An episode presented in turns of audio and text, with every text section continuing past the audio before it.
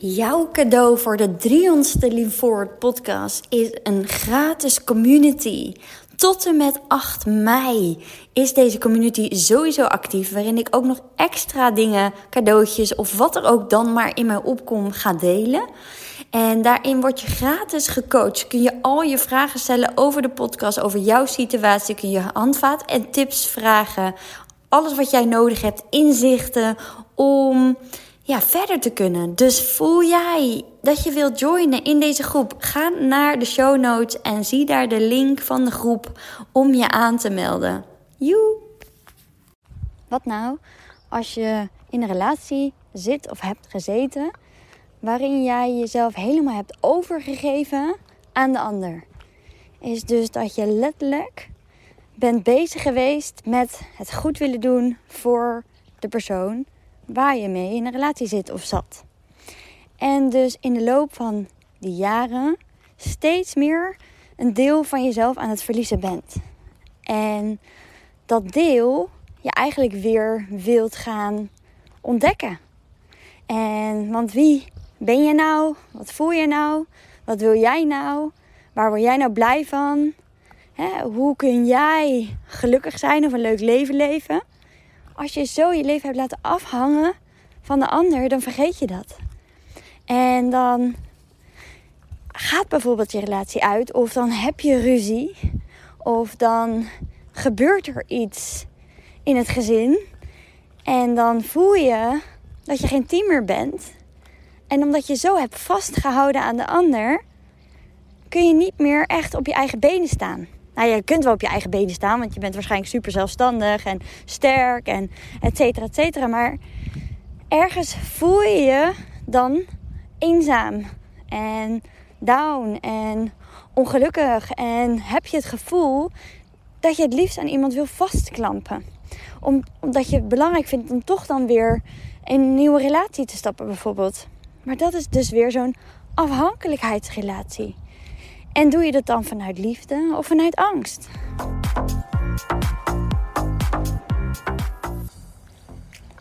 Er zijn weer eh, vier nieuwe mensen in het traject gestapt. En twee daarvan, die gaven bij mij aan, is dat ze zichzelf zijn verloren in hun vorige relatie. En dat hun vorige relatie ergens niet helemaal gezond was. Is dus dat ze eigenlijk een soort van gevoeld hebben gehad dat ze ook een soort geclaimd zijn. En of ieder geval dat zij op een moment hebben gevoeld dat ze te veel moeten vastklampen aan de ander. En dus daarmee een beetje zichzelf verliezen, maar ook uh, hun sociaal leven verliezen. En vooral gefocust was op die relatie laten slagen en werken. En ik hoor het steeds meer omdat ja, steeds meer mensen gaan scheiden en of hè, um, nemen niet meer zomaar een relatie voor lief. En dus gaan ze dan toch uit elkaar en dan krijg je van die break-ups en dan krijg je veel meer singles. En ja, single zijn, dat is niet het maatschappelijke geaccepteerde deel in deze samenleving. Hè, denkt men, hè. Waardoor ze het gevoel hebben dat ze dan toch wel weer snel aan de man moeten of zo, of vrouw. En dan zit er een soort van druk op. Druk om een man te manifesteren in je leven. En eigenlijk voelen ze ook allemaal wel van... Ja, maar ik zou eigenlijk eerst mezelf weer even mogen gaan terugvinden. Want ja, wie ben ik nou? En als ik vanuit hier weer een man wil aantrekken... dan ga ik weer dezelfde type aantrekken. tot zo, zover zijn ze ook. Is dat ze dat, gaan, dat ze dat begrijpen. Dat het eigenlijk geen zin heeft om weer opnieuw een man aan te trekken. Als je vanuit deze staat van zijn, hoe je nu leeft, vanuit de verloren versie van jezelf weer iemand aantrekt, dan ga je weer vastklampen aan iemand. En dus ga je weer een man aantrekken die of in de bindingsangst zit of in de verlatingsangst. Maar er is iets met een hechtingsproblematiek in jou, waardoor je je dus afhankelijk opstelt en dus jezelf verloren bent. En als ik het heb over een, een hechtingsproblematiek, daar heb ik het laatste tijd wel vaker over. Is het dus dat je ja, in je jeugd een bepaalde veiligheid of aandacht of erkenning of waardering of iets hebt gemist, waardoor je dit nu probeert te, te krijgen bij de ander. En dus wil jij dan bijvoorbeeld in een relatie voelen dat jij speciaal bent of belangrijk bent. Of dat jij uh, dat, dat die persoon wat voor je over heeft en dat hij dingen voor je doet. En dat hij zich op een bepaalde manier gedraagt. Dus je krijgt verwachtingen naar de ander toe. Uh, wat een enorme verkramping geeft ook voor de ander. Want die moet aan dat en dat en dat en dat allemaal voldoen. Om dus jouw leegte op te vullen. Zodat jij geen, uh, geen verdriet of pijn hebt. Of je down voelt. Of je alsnog eenzaam voelt in de relatie. Want dat zie je natuurlijk ook heel veel. En dat is geen prettig gevoel. Voor de ander ook niet. Weet je, het is ook een beetje, als we het dan hebben over claims. De een voelt zich geclaimd door de een en de ander door de ander. Het vaak, uh, het ligt een beetje aan in welke dynamiek je zit. In de verlating of in de bindingsangst. Maar is dat je ook de ander eigenlijk daarmee claimt. Door te zeggen dat je, dat je bepaalde dingen nodig hebt van de ander. Alleen de dynamiek in je relatie is gewoon een spiegel met hetgeen waar jij naar verlangt en of wat jij vroeger hebt gemist. En het wil je juist iets vertellen en iets laten zien. En dan is het goed om daar weer naar terug te gaan en te kijken: oké, maar wat is het dan wat ik heb gemist of waar ik naar verlang? En hoe kan ik dat aan mezelf gaan geven? Want uiteindelijk is dat de bedoeling: is datgene wat jij zoekt of, zoekt of verwacht of wilt van de ander, of hè, uh, minacht in de ander, oordeel he hebt over de ander, daarin heb jij iets te, omarmen, iets te leren, iets um, aan te kijken, te verwerken, wat het dan ook maar is.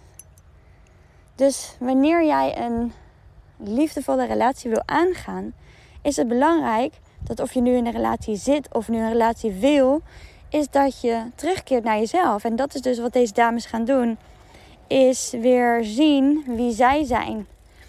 En hoe gaan we dat doen? Door deze overtuiging die zij allemaal zijn gaan aannemen als de waarheid in hun jeugd. Is hoe ze zich zouden moeten gedragen of wat ze zouden moeten doen om goed genoeg te zijn.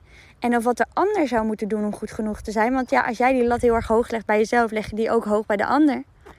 Dan blijf je dus in zo'n visuele cirkel rondlopen. En dus als je dat aankijkt en dus op een andere manier naar jezelf gaat kijken, maar ook naar je jeugd gaat kijken, naar je ouders gaat kijken, en naar je broer of zus gaat kijken. En of andere mensen die invloed hebben gehad op je leven. En of waar situaties zijn ontstaan. Bijvoorbeeld als je gepest bent of als je um, veel ruzie was thuis. En of je het gevoel had dat je daardoor op je tenen moest lopen. En of misschien was je juist heel erg aan het zorgen omdat een van je ouders uh, labiel was en of snel emotioneel. Of weet je wel, dat patroon herhaalt zich in het nu. En we zien dat helemaal niet meer van onszelf, omdat we gewoon van die blinde vlekken hebben. En als ik met mensen in gesprek zijn en we hebben het hierover, dan komen langzamerhand dat onderbewuste wordt weer een beetje bewust. Want 95% is onbewust, 5% is bewust. En in een vrijblijvend gesprek kom je al heel snel achter, of in ieder geval ik kom altijd al heel snel achter, wat de rode draad is. En wat, waar, wat hetgeen is waar jij aan mag gaan werken. Uh, om weer terug te keren naar jezelf. Om weer die ui af te pellen. Om weer die overtuigingen weg te schrappen die jou niet meer dienen.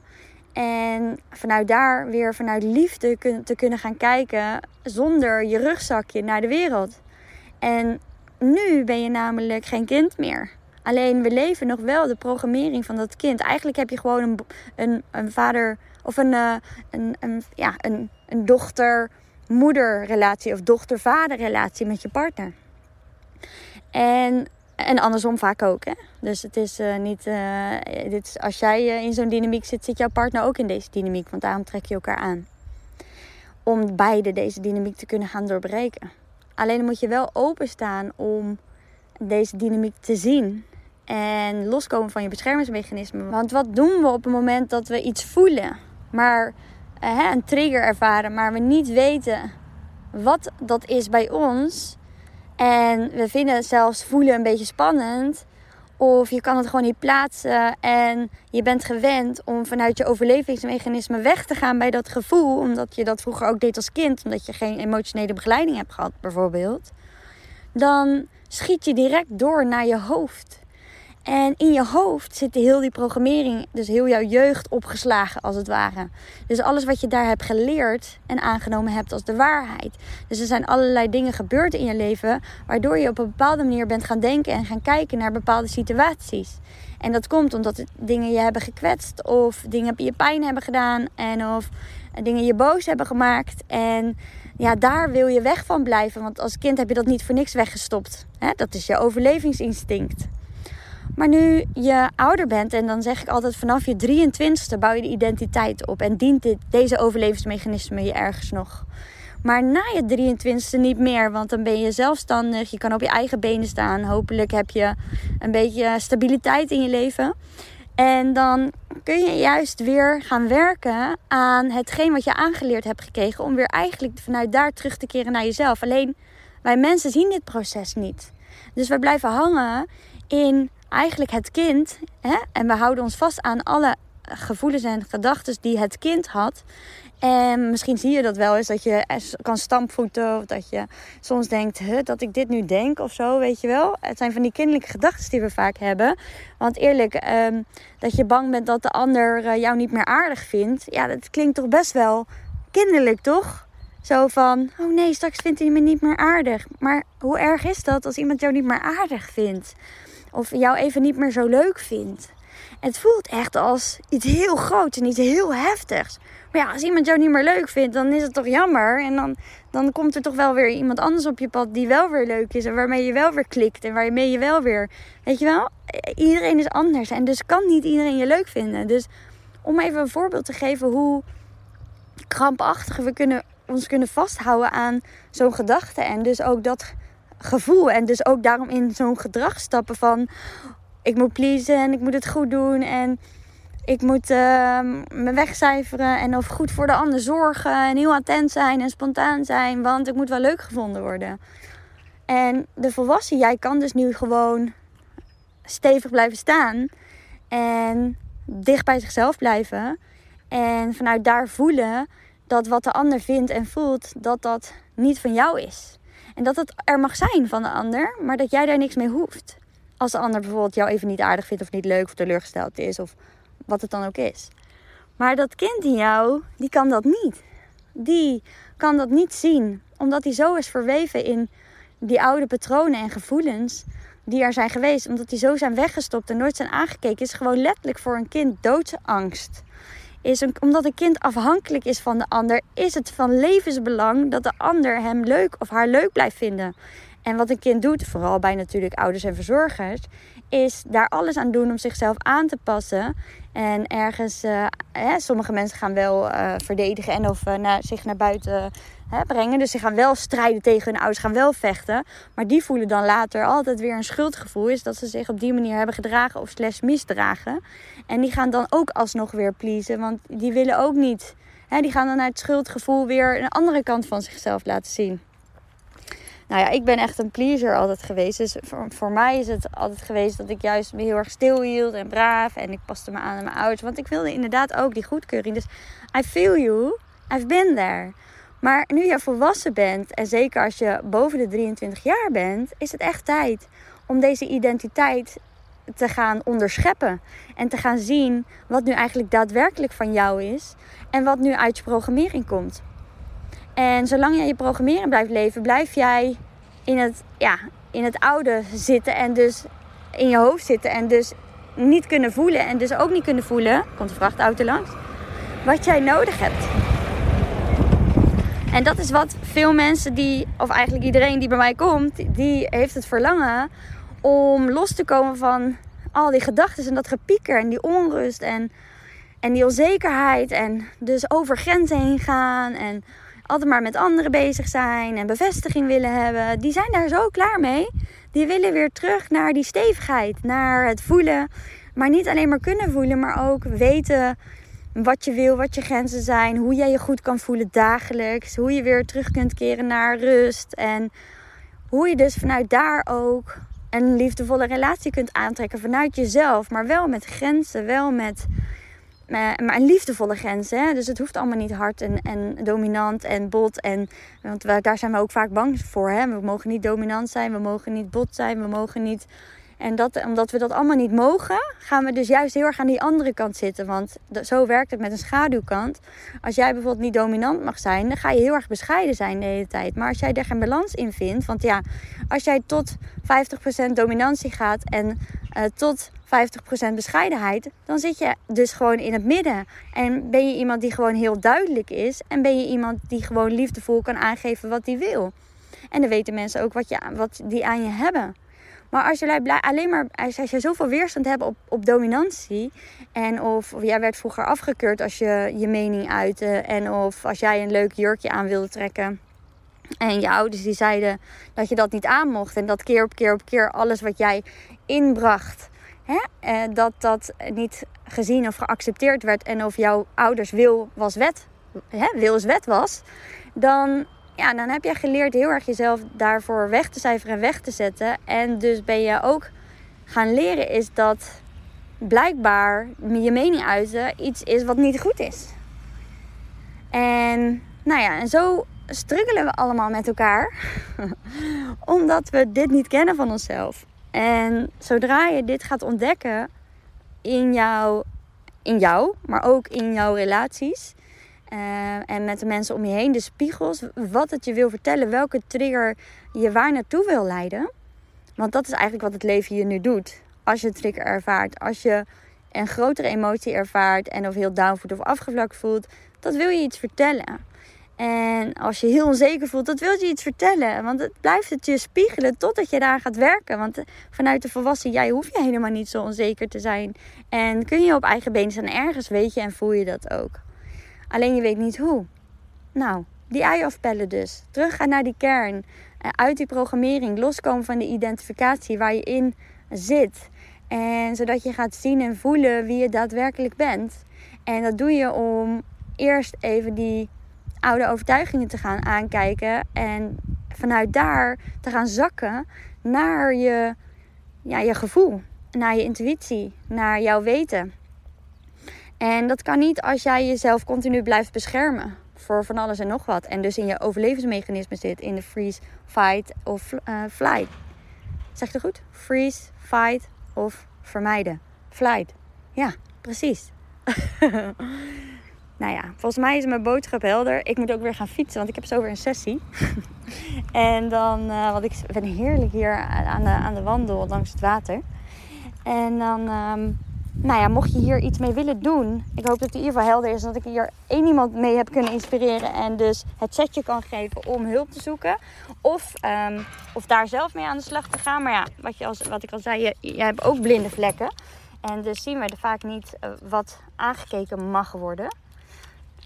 Um, dus dan is hulp wel fijn en handig. Dus voel je dat uh, bij mij? Dan weet je mij te vinden op Insta. Waarschijnlijk lean-forward. Of ga naar www.lean-forward.nl slash coaching. Ik ben even wat verder weg, want ik moet mijn stokje vastmaken. En um, ja. En voel je dat niet bij mij, ga even verder om je heen kijken. Maar zo zonde om hier te blijven hangen. Want ook jij kan je gewoon goed voelen. Dus verspil niet langer je tijd. Want je weet niet hoe lang je hebt. Weet je, ga nu genieten. In het hier en nu. En niet tijd in je hoofd. Dus ga weer plezier maken. En ja, liefde delen met anderen. Verbinden met anderen. En dat kan pas als jij verbonden bent met jezelf. Nou, een hele fijne dag. Doei! Super leuk dat je geluisterd hebt naar deze Lean Forward podcast. Mocht je voelen, ja, yeah, te gekke podcast, hier heb ik echt wat aan. Dit inspireert me. Ga dan zeker even naar de reviews bovenaan en laat 5 sterren achter. Want zo word ik beter vindbaar en kunnen we nog veel meer mensen inspireren om uit hun hoofd te gaan en meer zelfvertrouwen en zelfliefde te voelen. Oh, en by the way, als je me nog niet volgt op Instagram, doe dat dan zeker op lean-forward. Want daar deel ik ook dagelijks tips en inspiratie om uit je hoofd te komen en ook je beste leven te gaan leven. Joe!